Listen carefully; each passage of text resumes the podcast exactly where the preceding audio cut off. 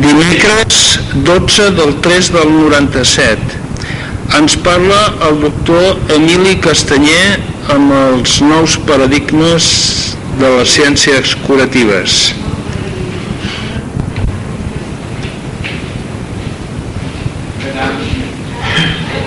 Mesdames, Messieurs,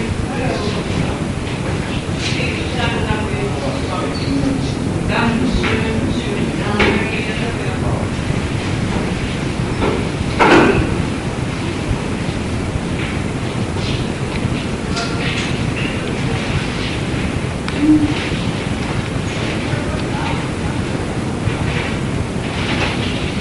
Bé,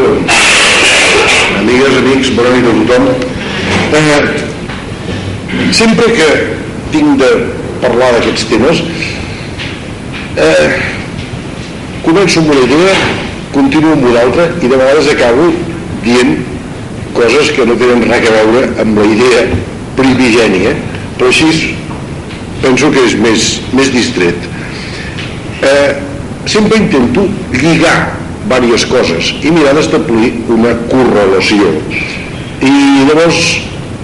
com que sobre la marxa van apareguent temes, eh, anar-los sobreposant i afinar la capacitat mental per relacionar-los sempre té un sentit inclús lúdic que té gràcia, que és divertit. Llavors, eh, a les coses que vull intentar lligar avui són primer com a base les idees del llibre de Deepak Chopra Curació Quàntica que és extraordinari, suposo que el coneixeu. Eh, continuar amb una cosa experimental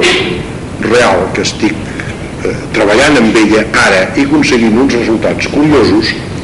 llavors parlar de la P300 que és una mm, tècnica per recollir la forma que té el cervell de manejar la informació. I eh, després lligar-ho amb, amb un article de Mundo Científico que es titula amb interrogant el universo en una proveta i que comença amb una frase de Lord Rutherford que eh, finals del segle passat va fer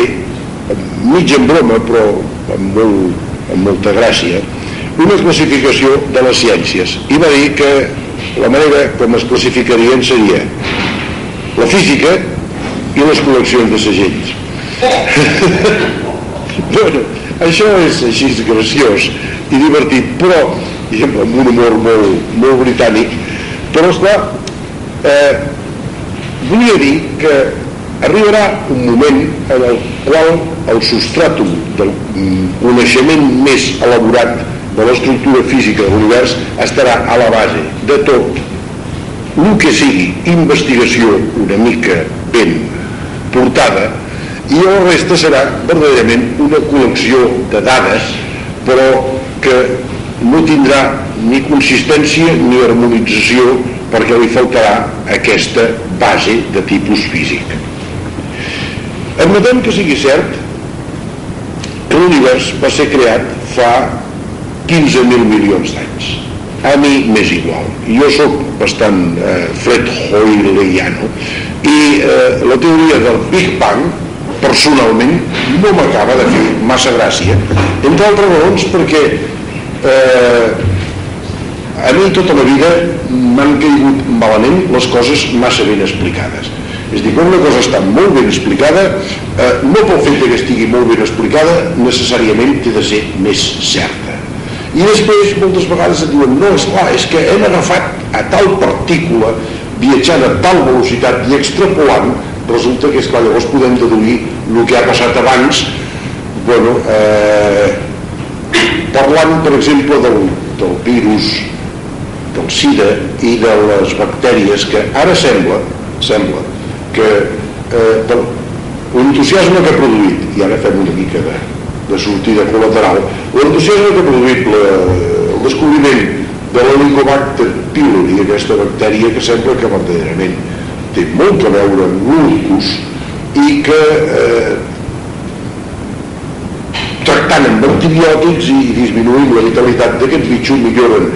moltes eh, inclús llagues d'estómac que s'arriben a, a cicatritzar i a curar sense necessitat d'intervenció quirúrgica, etc. Llavors això ha portat a parlar de la clamídia pneumònia com a implicada en l'alliberació dels coàguls de dintre de les coronàries que porten a l'infant. Llavors un investigador eh, britànic diu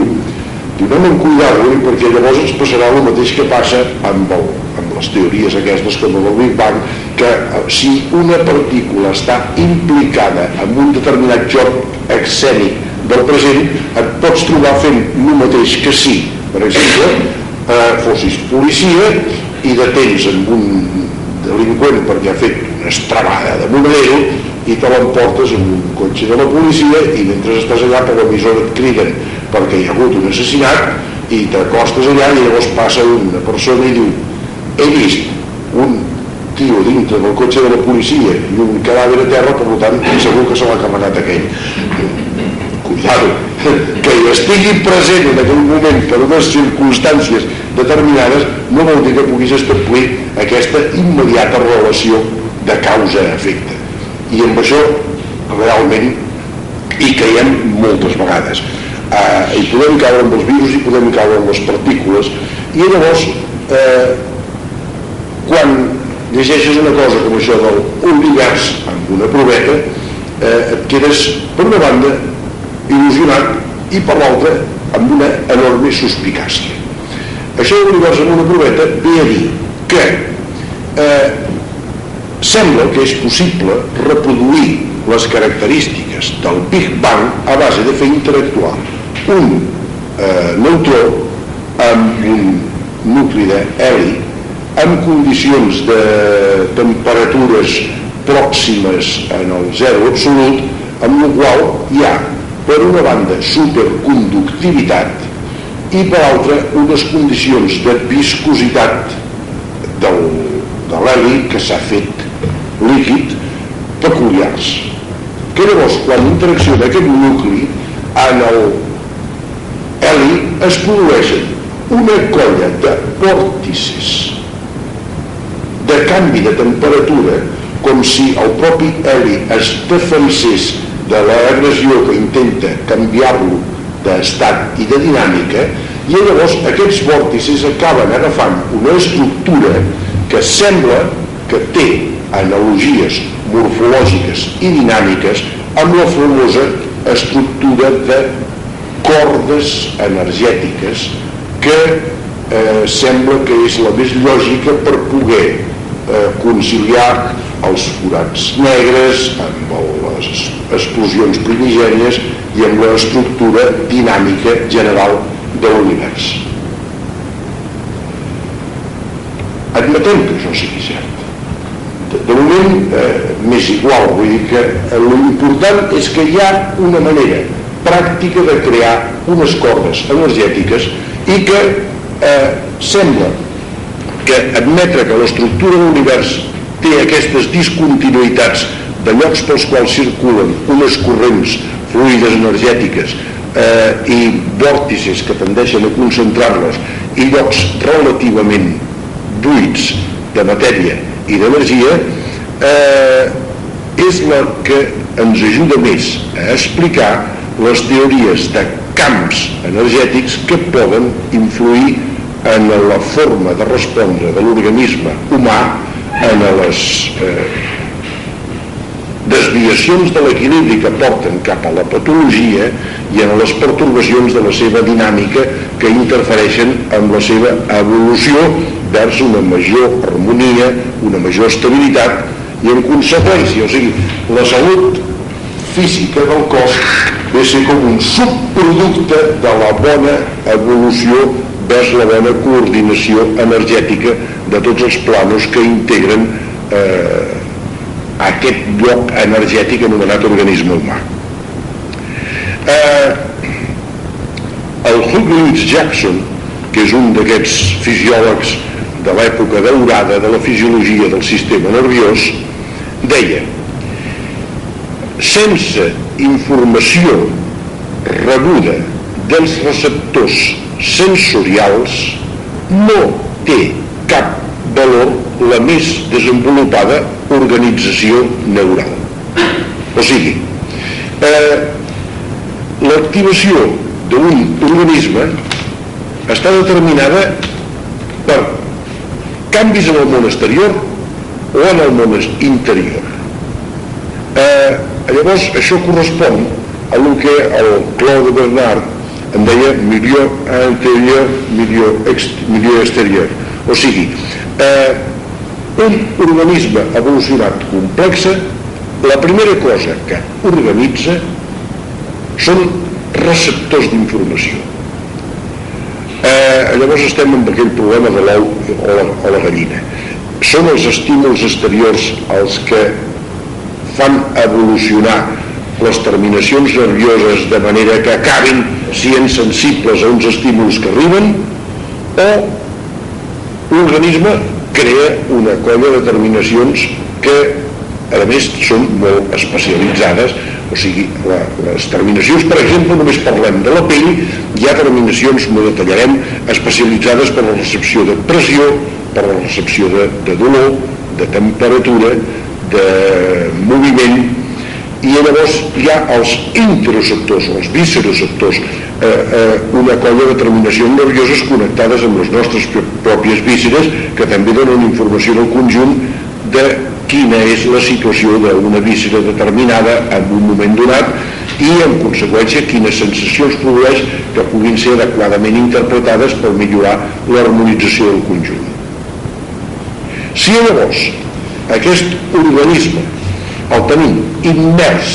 en uns camps energètics integrats per aquestes cordes energètiques que formen part de l'estructura de l'univers segons amb quina sintonia estigui amb les energies que flueixin per aquestes cordes donarà una resposta o en donarà una altra. Llavors el Deepak Chopra si coneixeu el seu llibre és un endocrinòleg per tant és un home acostumat com a endocrinòleg a filar molt prim eh, valorant i calibrant la relació entre sistemes reguladors molt sensibles i que han de donar respostes molt ajustades. Eh, això ja eh, a tu et farà molta gràcia perquè és clar comença per l'hipotàlen l'epífisis, l'hipòfisis continua per la glàndula tiroides eh, va tirant més avall timo, glàndules de secreció interna, suprarrenals, glàndules sexuals i tot el sistema glandular de l'organisme, això té d'estar molt ben coordinat. De que això estigui ben coordinat en depèn eh, coses tan curioses com la, la capacitat de resposta motora per traslladar-se perquè eh, eh, inclús la regulació son vigília té que veure amb aquestes coses. Llavors, eh, aquest és el moment, penso jo, de, de parlar, no sé si n'hem parlat alguna vegada amb vosaltres, de de la ona P300. Eh, què és la P300? Eh, el nom ve de B per positiva i 300 per 300 milisegons. Eh, això és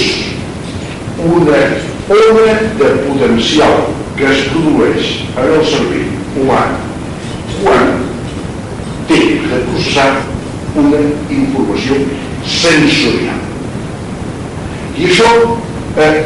encara no sabem que es produeix, eh, sabem en direcció i com es propaga definir com a integrada o més mal integrada, més enriquida o més empobrida, de més potencial o de més potencial. Eh, llavors, esclar, què passa si això és una escala, estem parlant aquí de,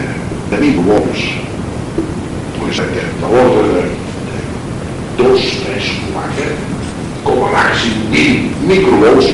milionèsimes de volt I eh, aquí estem parlant de 100, 200, 300, eh, o sigui, aquí hem arribat al mig segon. Estem parlant de, de milisegons. Eh, en principi, eh, fent una suma de diferents estímuls, perquè esclar, eh, això com ho hem de registrar? A través de l'electroencefalograma. I què hem de fer? El que ja hem parlat algunes vegades. Eh, separar la senyal del soroll de fons. L'electroencefalograma, que, que surt com un, una senyal quasi aleatòria, eh, en aquest moment deixa de ser la senyal i es converteix en el soroll de fons per esborrar-lo i anar fent estímuls i fent ressaltar la ona aquesta que viatja a través del teixit cerebral des de l'arribada per l'oïdo, per exemple, o visual, o suma de les dues coses fins a estendre's per l'escalació cerebral, eh, agafem l'electroencefalograma i l'injectem del dret i del revés, del dret i del revés, del dret i del revés, del dret i del revés, unes quantes mils de vegades fins que arriba un moment que és clar, si anem sobreposant ondes que es van produint, encara que no coincideixin exactament, tendiran a amortiguar-se i llavors tendirà a quedar una línia així en la qual només ressaltarà eh, una ona que estaria sobreposada aquí però que barrejada amb tot això seria molt difícil de valorar i que a més com que tindria aquesta duració de 300 milisegons francament les plomes d'un aparell no la poden recollir llavors s'ha de fer amb una pantalla tipus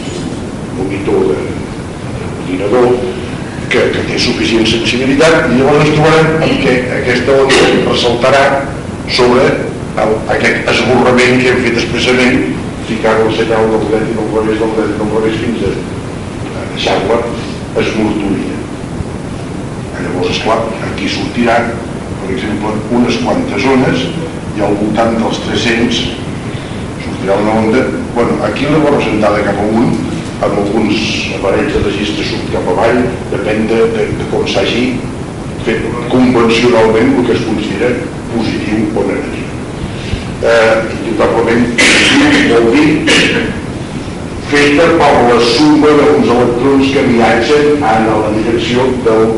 lectora positiu de registre. Llavors, esclar, aquesta onda doncs, tindrà tant més potencial i serà tant més ampla de base i per tant més enriquida d'harmònics quan, en principi, en millors condicions estigui al servei per rebre informació. Eh, què passa? Aquí tenim una manera de dividir la bona organització del cervell no solament des del punt de vista físic de transport d'informació, sinó inclús des del punt de vista de bona adequació cognitiva. És a dir, la persona que tingui eh, una, una droga que interfereixi amb encara que sigui un tranquil·litzant, que interfereixi amb el transport d'informació, això s'empobrarà. Si està anestesiat, també eh, si té un problema, el que sigui, de tipus físic, que, que no li funcioni bé el cervell, perquè hagi tingut una embòlia i hagi una zona del cervell que no transporti bé la flotació, doncs també hi haurà empobriments, si té una malaltia degenerativa, si està amb una encefalitis, hi haurà modificacions. Però, i aquí ve, però, eh, inclús en el cas de que el funcionament del cervell estigui influït per una anestèsia, no deixa d'haver-hi un percentatge previsible d'aquesta quantitat de suma de potencials, clar, per poder veure l'obra de 300, doncs s'han d'anar fent estímuls i s'han de fer unes quantes dotzenes o centenars, o en alguns casos fins i tot milers. Si és un estímul auditiu, és un tipus clic, i és suficient com perquè inclús encara que la persona no hi estigui prestant atenció la suma d'informació es faci i ara pot anar al butllet per què anàs amb això? perquè eh, de cara precisament a mirar de comprovar d'una forma experimental, elegant, pràctica i que, i que es vegi. Eh, anem a buscar l'invisible. Llavors podem trobar una mica com allò de, el pacient que li estan fent un psicoanàlisis i el, li diuen al psicoanalista, escolta, tenim 4 anys treballant i m'agradaria veure algo tangible i que es pugui disfrutar que hagi produït el que hem fet vostè i jo. Doncs el psiquiatre diu, baixi aquí al carrer, li ensenya els Lamborghinis, treu les coses del cotxet i diu, és tangible. I llavors, a mi no ha produït això. Això és un entrevig jugós per fer una mica de descongestió de la neurona d'orella perquè no sé com de no tenir després d'aquest rotllet. Però, què estem fent? Estem treballant amb un equip quirúrgic i eh, hi ha un grup d'infermeres que són les que han posat en marxa aquesta, aquesta idea, que és fer suggestions positives en el pacient fins i tot durant el temps d'anestèsia. Durant que el cervell no deixa de rebre informació, eh, sembla que comencem a poder mm, tenir base per dir que no solament hi ha pas d'informació, sinó fins i tot perceptivitat estructurada. I de moment us puc aportar el testimoni de que quan el Deepak Chopra parla de que la curació quàntica implica a l'administrar sàviament els quàntums d'energia, o sigui aquest escalonament discret a salts que sembla que és la base de la física quàntica, eh, de forma tal que l'organisme entri en, en sintonia i arribi a poder produir la reestructuració dels seus propis paràmetres biològics per donar una resposta més integrada, eh, això us ho puc dir perquè ho he vist, ja en parlarem més endavant perquè es fa falta casuística, però jo he vist amb un pacient pujar-li la pressió arterial per l'agressió que representa la intervenció que s'està fent eh, veure-la pujar ja, no hi ha, no hi ha. De fulla, ha estat anestesiat, per tant, en teoria, no solament no s'entera, sinó que després inclús si li parles d'això directament, després inclús possiblement farem proves en tècniques d'hipnosis per mirar de veure què, què ha quedat ficat en el, en el nivell profund del conscient, però dir-li, escolti, faci el favor de fer-se baixar la pressió perquè se l'està li està pujant massa i, i, no, i no hi guanyem res, ni vostè ni nosaltres, i la xifra tensional se'n va cap avall. Anestesiat, sí, sí, sí, això un pacient anestesiat, i parlava-li així, i veus com baixa. I, i això no, no... Però el curiós és que, esclar, eh, què és la conseqüència d'això? Doncs, eh, que els pacients, en principi, fins allà on s'ha treballat fins ara, sembla que es recuperen més bé que tenen temps de permanència més curts per a la unitat de reanimació postquirúrgica eh, que, que fins i tot esclar, jo, la, la feina que faig jo és monitoritzar l'electroencefalogram estem parlant de cirurgia d'alt risc eh, intervencions en bomba de cirurgies de corpòrea eh, batejament d'artèries passos, coses d'aquestes que eh, doncs realment els pacients els que se'ls ha estat fent tot aquest esforç. El treball comença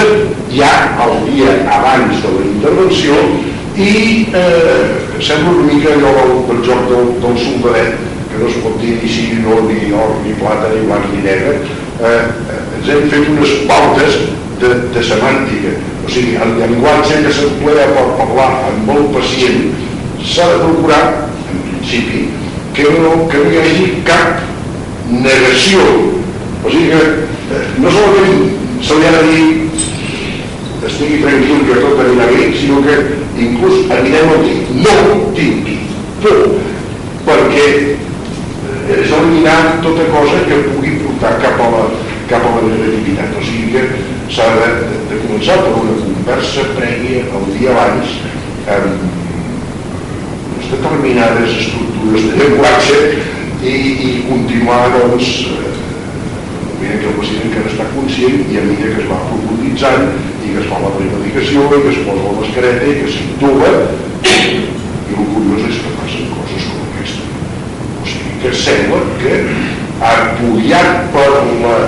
verbalització eh, en el pacient li dones un camí perquè ell mateix faci una cosa que no ha fet mai i que us asseguro que mestres de ioga no ho són com fer-se baixar la pressió arterial i, i no solament veure com la xifra baixa en el monitor sinó veure com la, la, les artèries del canvi sangren menys i costa menys de fer hemostàcia eh, això, per mi, és realment una confirmació molt completa, molt clara eh, i molt evident de la, la, la idea que, que deixa anar el Deepak Chopra en el que parla de coses tan curioses com curacions controlades de, de processos físics. Eh, de dues maneres, o sigui, una a base de que el pacient realment arriba a fer revertir un procés cancerós, per exemple, i altres en les quals eh, la, la seguretat de que tot anirà bé fa que encara que, que no sigui cert el que ell s'imagina acabi actuant d'una forma positiva o sigui, una persona que eh, això ho cita el Dimartxer en el llibre que li diuen eh, eh, engany, no? o sigui que anant no, no, és allò de sempre que veiem un dia ja comentàvem que si s'ha de dir o s'ha de dir la veritat i la conclusió final és que s'ha de dir tant de veritat com, com el pacient pugui suportar. Eh, no és certa doncs esclar en el que la pot suportar tota i no és tota i en el que només pot suportar una part petita i una part petita però arribant a l'extrem amb una persona que eh, li explica que no es preocupi que el que té és un procés que té res a veure amb el que realment té, quan està fermament convençuda, reacciona com si tingués aquell procés lleu que li han explicat que té i no tingués el greu que no té. Llavors, sigui o no sigui cert la teoria de que hi ha una manera de reproduir eh, en un laboratori l'estructura de l'univers en la seva evolució, el que sí és cert és que si entres en sintonia amb la presumpta estructura que té, aconsegueixes l'estabilització de processos físics. Llavors, el que em deies tu, llavors de la, la, la clonació. Mm, bueno, eh, eh, L'audàcia experimental és molt bonica, però hem de tenir present una cosa, que una cosa és el lluïment i l'altra la verdadera integració amb una harmonització evolutiva. O sigui, la formació és molt curiosa, és una obra d'art des del punt de vista de tècnica laboratori, però què resol? Ara mateix eh, eh, sembla mentida perquè de vegades la gent s'enlluarna, diuen, oh, el floquet de Déu, que curiós seria poder-lo clonar. Cuidado, pensem una cosa, eh? Siguem, siguem objectius. L'albinisme que té aquest cosí eh, és un dèficit genètic. O sigui, aquest animal, el fet de no tenir pigments, eh, és sensible a les radiacions, s'enlluerna fàcilment, pot tenir molt fàcilment retinitis, conjuntivitis, eh, irritacions de mucoses, una colla de, de coses que en els que estan ben dotats de pigments no els hi poden passar, que en aquest animal no li han passat perquè ha viscut en un ambient que, que ha sigut pues, especial i que se li han eh, suprimit moltes dificultats d'adaptació que hauria trobat en el seu hàbitat natural. Però per molta il·lusió que ens faci poder tornar a tenir un altre goril·lot blanc és reproduir una cosa que és un fallo de la naturalesa per tant per fallar la naturalesa ja sabeu que la sola ja ha fallat una vegada i no tornarem a repetir no? estem d'acord no? i després una altra cosa que això em sembla que l'altre dia ja, ja vàrem apuntar una mica parlant de la teoria de cordes després de donar voltes a moltes coses eh, m'he atrevit eh, a esbossar una manera d'explicar-me em sembla que ja ho vam comentar un dia així a mitges però em vaig parlant sempre que puc i amb això acabarem perquè m'agrada en aquesta idea anar-li donant cos. Eh, des d'un punt de vista dinàmic i energètic verdaderament podríem definir la nostra estructura física, eh, etèrica, astral, espiritual, mental, diguem com vulgueu, de la següent manera. Eh, fem també una mica aquesta reducció de, de l'univers en una, una provena. Eh, deixem a part si un organisme ha nascut per clonació o per interacció perquè verdaderament eh, la, la unió de l'espermatozoide i l'òvul és una forma de fer detonar una potencialitat evolutiva. De la mateixa manera que aquest neutró que interactua amb un nucli d'aeri crea totes aquestes turbulències i, i llavors eh, aquestes turbulències aquí hi ha un diagrama i després ho podeu mirar en el que curiosament després del xoc es produeixen una colla de petites bombulletes això s'observa al laboratori que si s'assemblen amb una mòrula aquella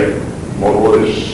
petit, mora en petit l'aspecte que agafa la cèl·lula fecundada de un, mena d'agrupament de, de cèl·lules que recorda una mora, això és així, eh, sembla que hi hagi verdaderament una fecundació, per dir-ho així, del nucli aeri, però que llavors, en comptes de donar lloc a un organisme integrat, dona lloc a un vòrtice integrador de forces. A fi de comptes és el que som nosaltres. I llavors jo m'atreveixo a definir, eh, suposem que eh, hi hagi un, un punt d'entrada i un punt de sortida. I això podria ser doncs, tot l'espai en el qual un ser integrat està ficat en un determinat plano dimensional gestionant energia. Per dir-ho així, aquest punt detonant és el punt de convergència d'una colla de el que en podríem dir cordes energètiques que algunes venen d'unes dimensions i altres d'altres i que al integrar-se aquí comencen a, a circular paral·lelament eh, durant un temps fins que aquí es produeix una acabada d'etapa evolutiva i, i això pot tornar a, a dispersar-se o no. Indubtablement segons com s'hagi coordinat mentre està és una manera d'expressar-ho seguint aquest camí. Llavors aquí poden passar moltes coses que algunes d'aquestes cordes energètiques adoptin un camí divergent que n'hi ingressin d'altres que aquesta que fa aquest camí divergent vagi a, a captar altres coses i després torni a reingressar. Eh, i llavors això explicaria eh, estats alterats de consciència evolucions maduratives fetes per l'ingrés d'energies que venen de fora i indubtablement què és el que es tracta d'aconseguir si eh, el, la forma de gestionar aquesta energia ha estat d'acord amb el patró quàntic previsible, el resultat hauria de ser un increment de la coherentització de tal manera que les dispersions que poden provocar eh, direccions erràtiques o divergents cada vegada sigui més difícil. Llavors, sembla que per aquest, amb, amb aquesta hipòtesi de treball que cada dia m'agrada més i que, que penso que, que us, la brinto com a tema perquè, perquè l'objectiu eh, això, és clar, no són com passa amb les cordes aquestes energètiques que es generen en el grup Rigali i que sembla que són també les corrents fluídiques energètiques que determinen l'estructura aparent de l'univers. Però indubtablement no són cordes que es puguin impulsar. Són corrents energètiques que tenen dintre de la coherència una certa fluidesa i que eh, inclús es poden desestructurar i, i interaccionar les unes amb les altres. I crear, mentre estan juntes, un sistema d'interaccions semblant a el que passa, imaginem, eh, un cable coaxial pel que circula informació de diferents tipus, però que indubtablement la informació que circula eh, si al mig camí del cable l'extreus i la valores, la pots correlacionar. És a dir, per un cable coaxial pot circular un missatge de tipus comercial, un missatge de tipus polític, una, una felicitació, una carta d'amor i totes aquelles coses poden tenir una interrelació i conjuntades i valorades adequadament poden ser l'expressió de la idiosincràsia peculiar de la gent que han fet la, la visió del punt d'origen. Llavors, eh, és clar, per exemple, per exemple, una de les coses, parlant de la reencarnació, eh, l'entrada no solament de, de tota, perquè esclar, la reencarnació podries interpretar com eh, eh, l'entrada global d'això a, a, a l'arribar, hi ha fets tan curiosos com per admetre que una part d'aquesta informació pot venir de la sortida d'allà d'una entitat coordinada i una altra part pot venir d'un altre, altre lloc. I penso que precisament eh, cada vegada em, em resulta més suggestiva la idea de que estem fets d'una informació inclús excessivament rica perquè la puguem pair, que la tenim de coordinar per intentar que s'arribi a produir el fenomen de que la sortida acabi sent única. I aquesta seria la meta evolutiva adequada. I potser eh, el fet de que això encara tinguem de treballar molt per arribar a donar-li la coherència definitiva explica fins i tot, per exemple, això que és aquesta mena de vòrtice curiós que s'ha produït aquí, ràpid, com de vegades es produeixen amb aquests nuclis d'euri bombardejats que s'escapa energia i que si torna a ingressar eh, distorsionada. Bueno, això podria ser per exemple doncs, un estat delirant i esclar, llavors aneu afegint vòrtices sortides, entrades i el que em fa gràcia, almenys per ara, és que sembla que anem combinant diferents maneres de representar aquests grafismes, acabes trobant explicació per moltes alteracions de l'estat de consciència i per molts fenòmens de perceptivitat curiosa, perquè, esclar, eh, encara que la finalitat sigui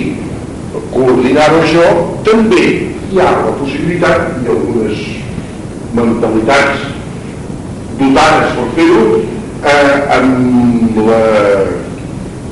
de, de canals energètics d'aquests per sortir a fora i aconseguir manipulacions i coordinacions energètiques si poden fer per dir així verdaderes acrobàcies. Esclar, llavors, tant com vol sigui l'agròmata, és fàcil eh, sortir emportar-se l'energia fora i tornar-lo a fer regressar dins en líquida sense que hi hagi problemes. Això, per ara, els podis àtoms d'heli bombardejats per neutrons encara no ho saben fer. Però, cuidado, eh, aquesta curiosa tendència que tenen, malgrat que es perdi energia, a coordinar-ne tant com sigui possible durant les breus fraccions de segon que aquests àtoms d'heli viuen des que som bombardejats per un neutró, et fa pensar que, malgrat tot, ells també tenen una forma peculiar de consciència. I llavors acabarem dient una de les coses que diu el de Capxota, que és la més, per mi, la més impressionant. Eh, amb els estudis fisiològics moderns, ja m'heu sentit altres vegades parlar de neurotransmissors, eh, resulta que actualment arriba un moment que es troben neurotransmissors que semblaven molt selectius de l'activitat cerebral en el teixit dels collons, en el teixit del fetge, el qual vol dir que, el que ja hem dit tantes vegades,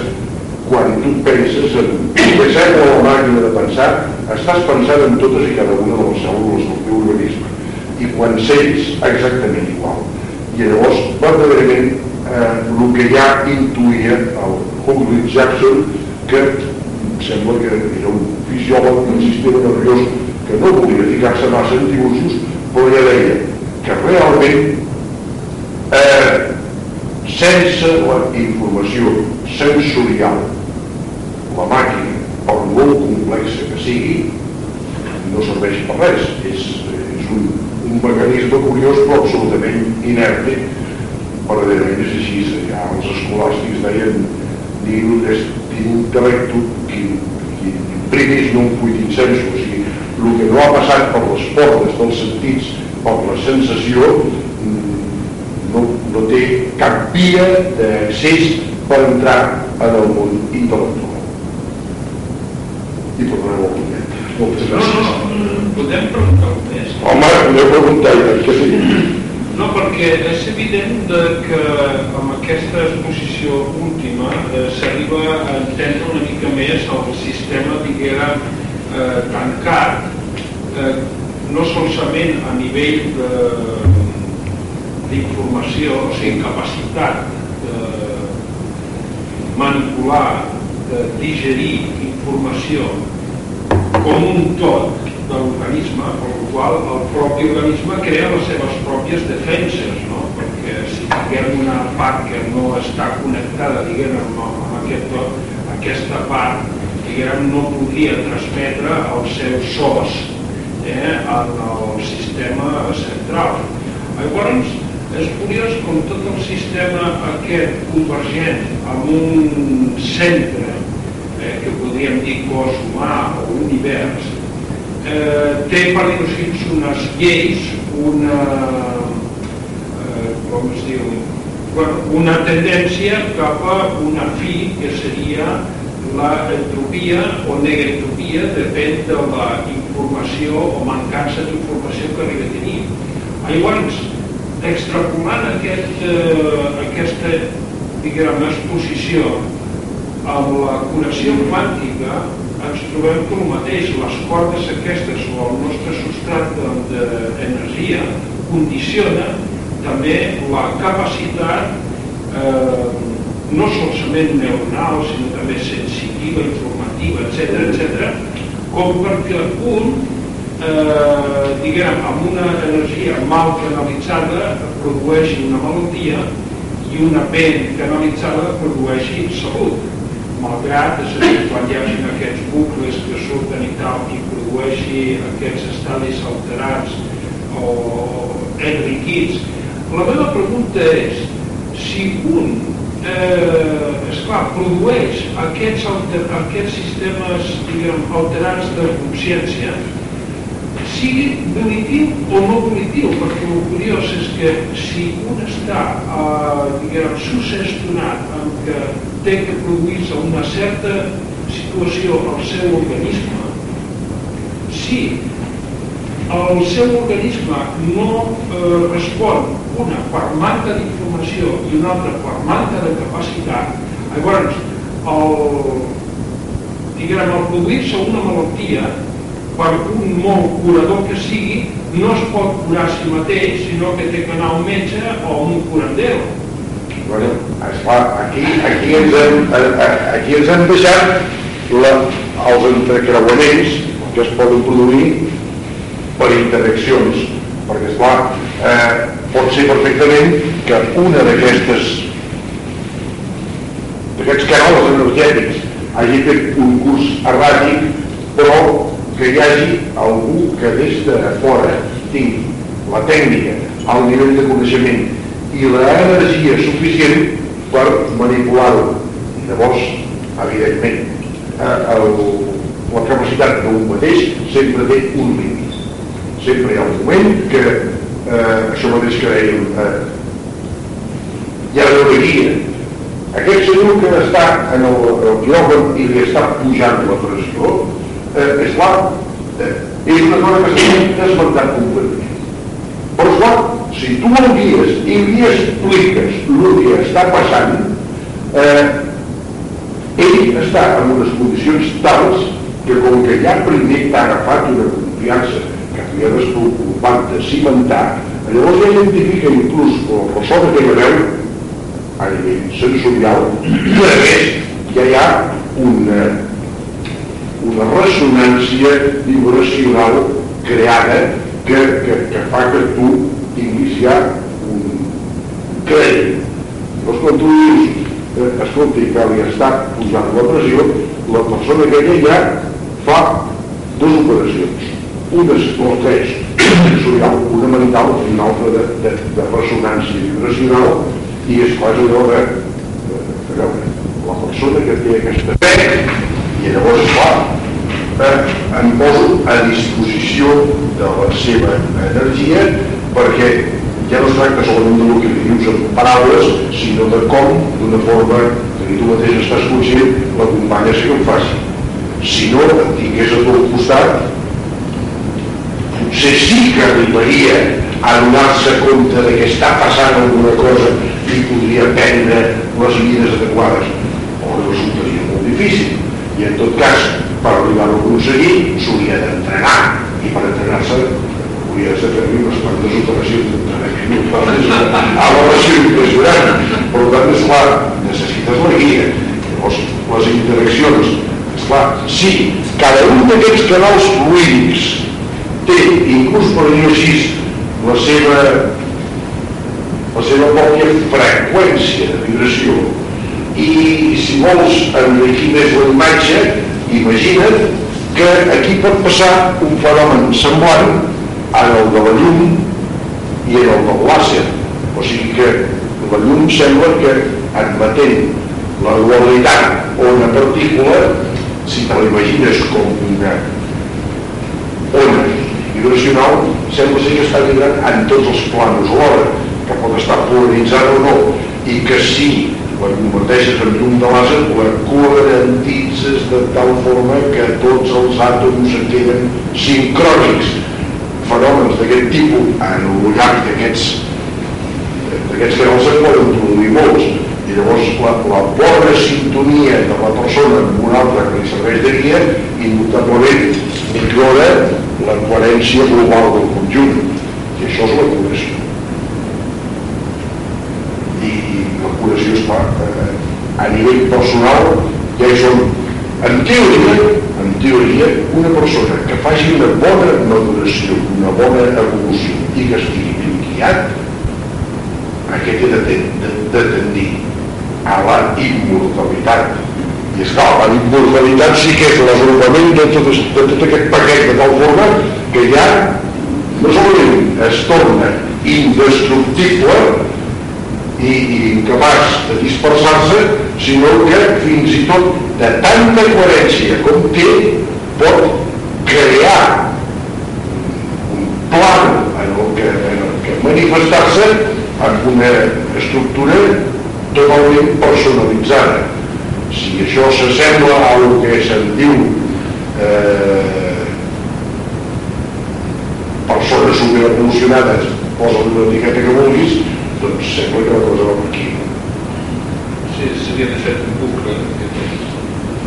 Per ser que, esclar, jo crec que mentre tinguem unes cèl·lules i un cos, eh, diguem que tingui que ser alimentat de,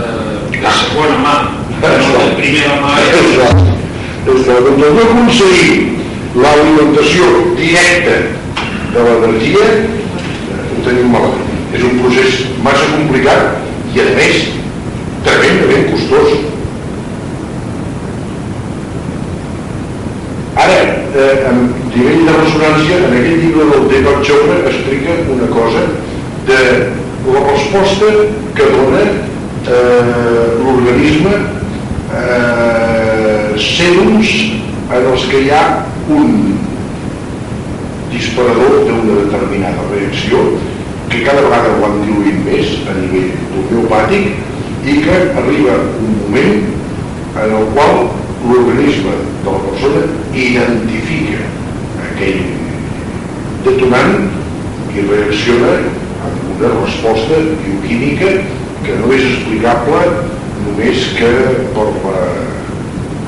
per la presència o sigui que estem fent una demostració tangible de la teoria homeopàtica de que n'hi ha prou en què hi hagi n'hi ha no tenim tan sols mínimes tasses sinó fins i tot el record en el solvent de que hi ha hagut una cosa com perquè allò crea una selecció el qual vol dir que eh, si això és així un, una bona disposició de l'organisme per evolucionar vers el funcionament sense necessitat de l'administració energètica a través del procés d'assimilació, digestió, metabolisme, catabolisme, ja hi és. El que passa és que ho tenim en el punyetero cos massa animat. I hem de donar l'esmorzar i el dinar i el sopar i, i, i s'ho creu. Va, és una, és una mica allò del, del burro quan vaig acostumat a no menjar llavors va l'idiota i es mor.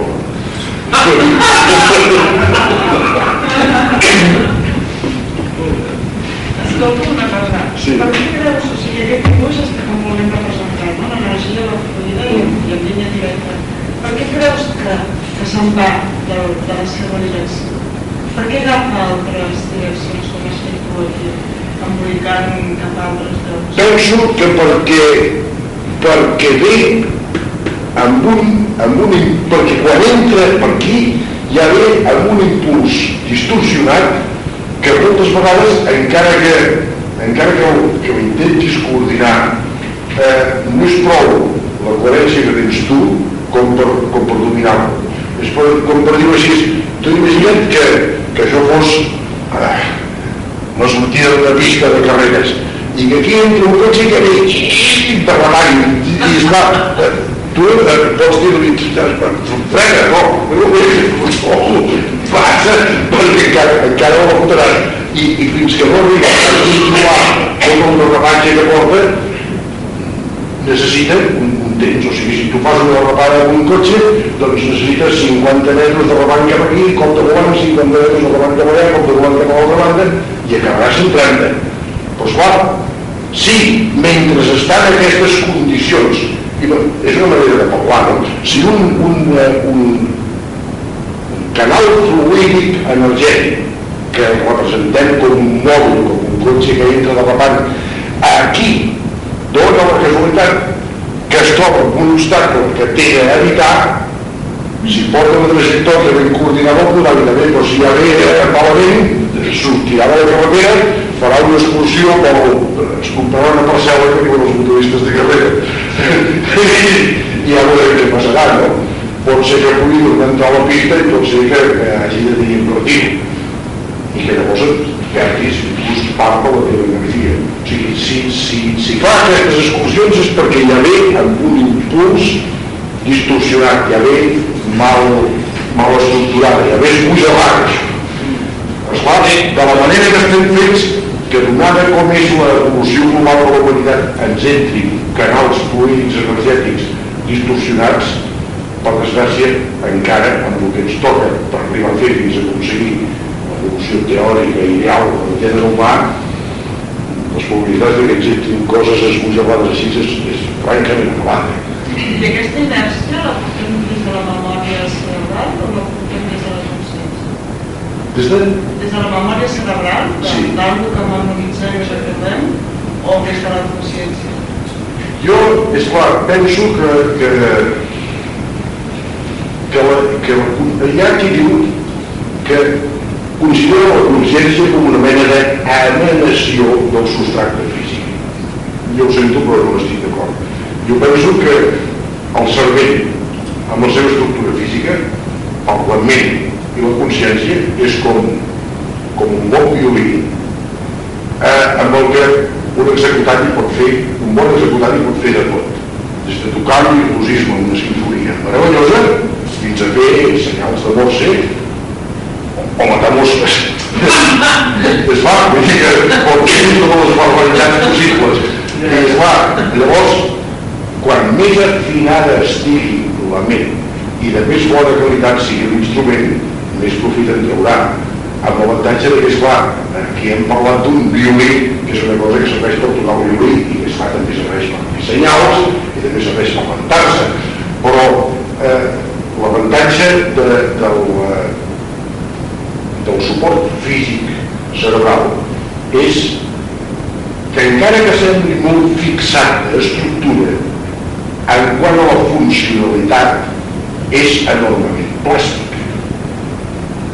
i pot aconseguir coses meravelloses. Una de les coses que diu precisament aquest llibre de, de fisiologia,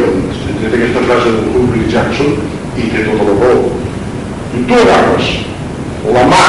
humana i li portes amb un... Suposem que, que hi hagués un mecànic a la Terra que no hagués vist mai mans, o, o un extraterrestre que fos mecànic en el seu que no hagués vist mai una mà. I tu li ensenyes una mà i dius, què et sembla això un instrument mecànic? I em contesta, quina merda. Perquè verdaderament la mà humana des del punt de vista mecànic és imperfectíssima. L'únic que li fa treure un tremendo profit d'aquest instrument tan imperfecte és l'enorme complexitat del cervell que hi ha més amunt. Però la mà com a tal mà, mecànicament és un desastre.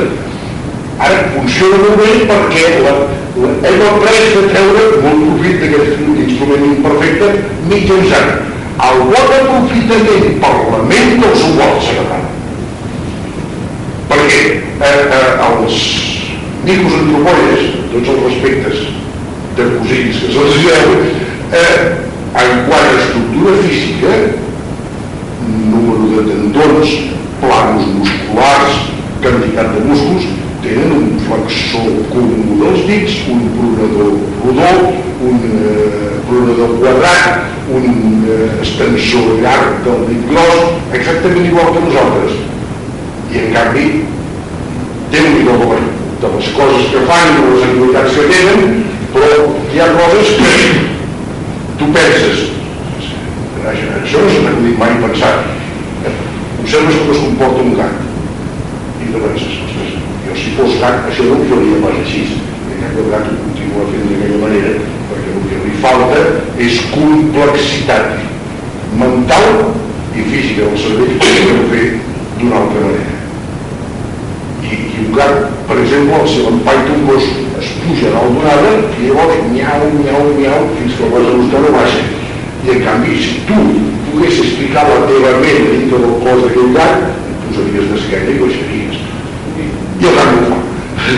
perquè el que, el que està carificant no, és clar, tu, tu, no, tu l'humanitzes, o sigui, tu t'entendràs tan ben un gat com tu et gratifiquis i llavors s'humanitza fins allà on pot. Però, indubtablement, amb la teva ment, de la mecànica del cos d'un gat en trauries molt més profit. Això és el que passa. Llavors, jo penso que el cervell és un instrument amb plasticitat evolutiva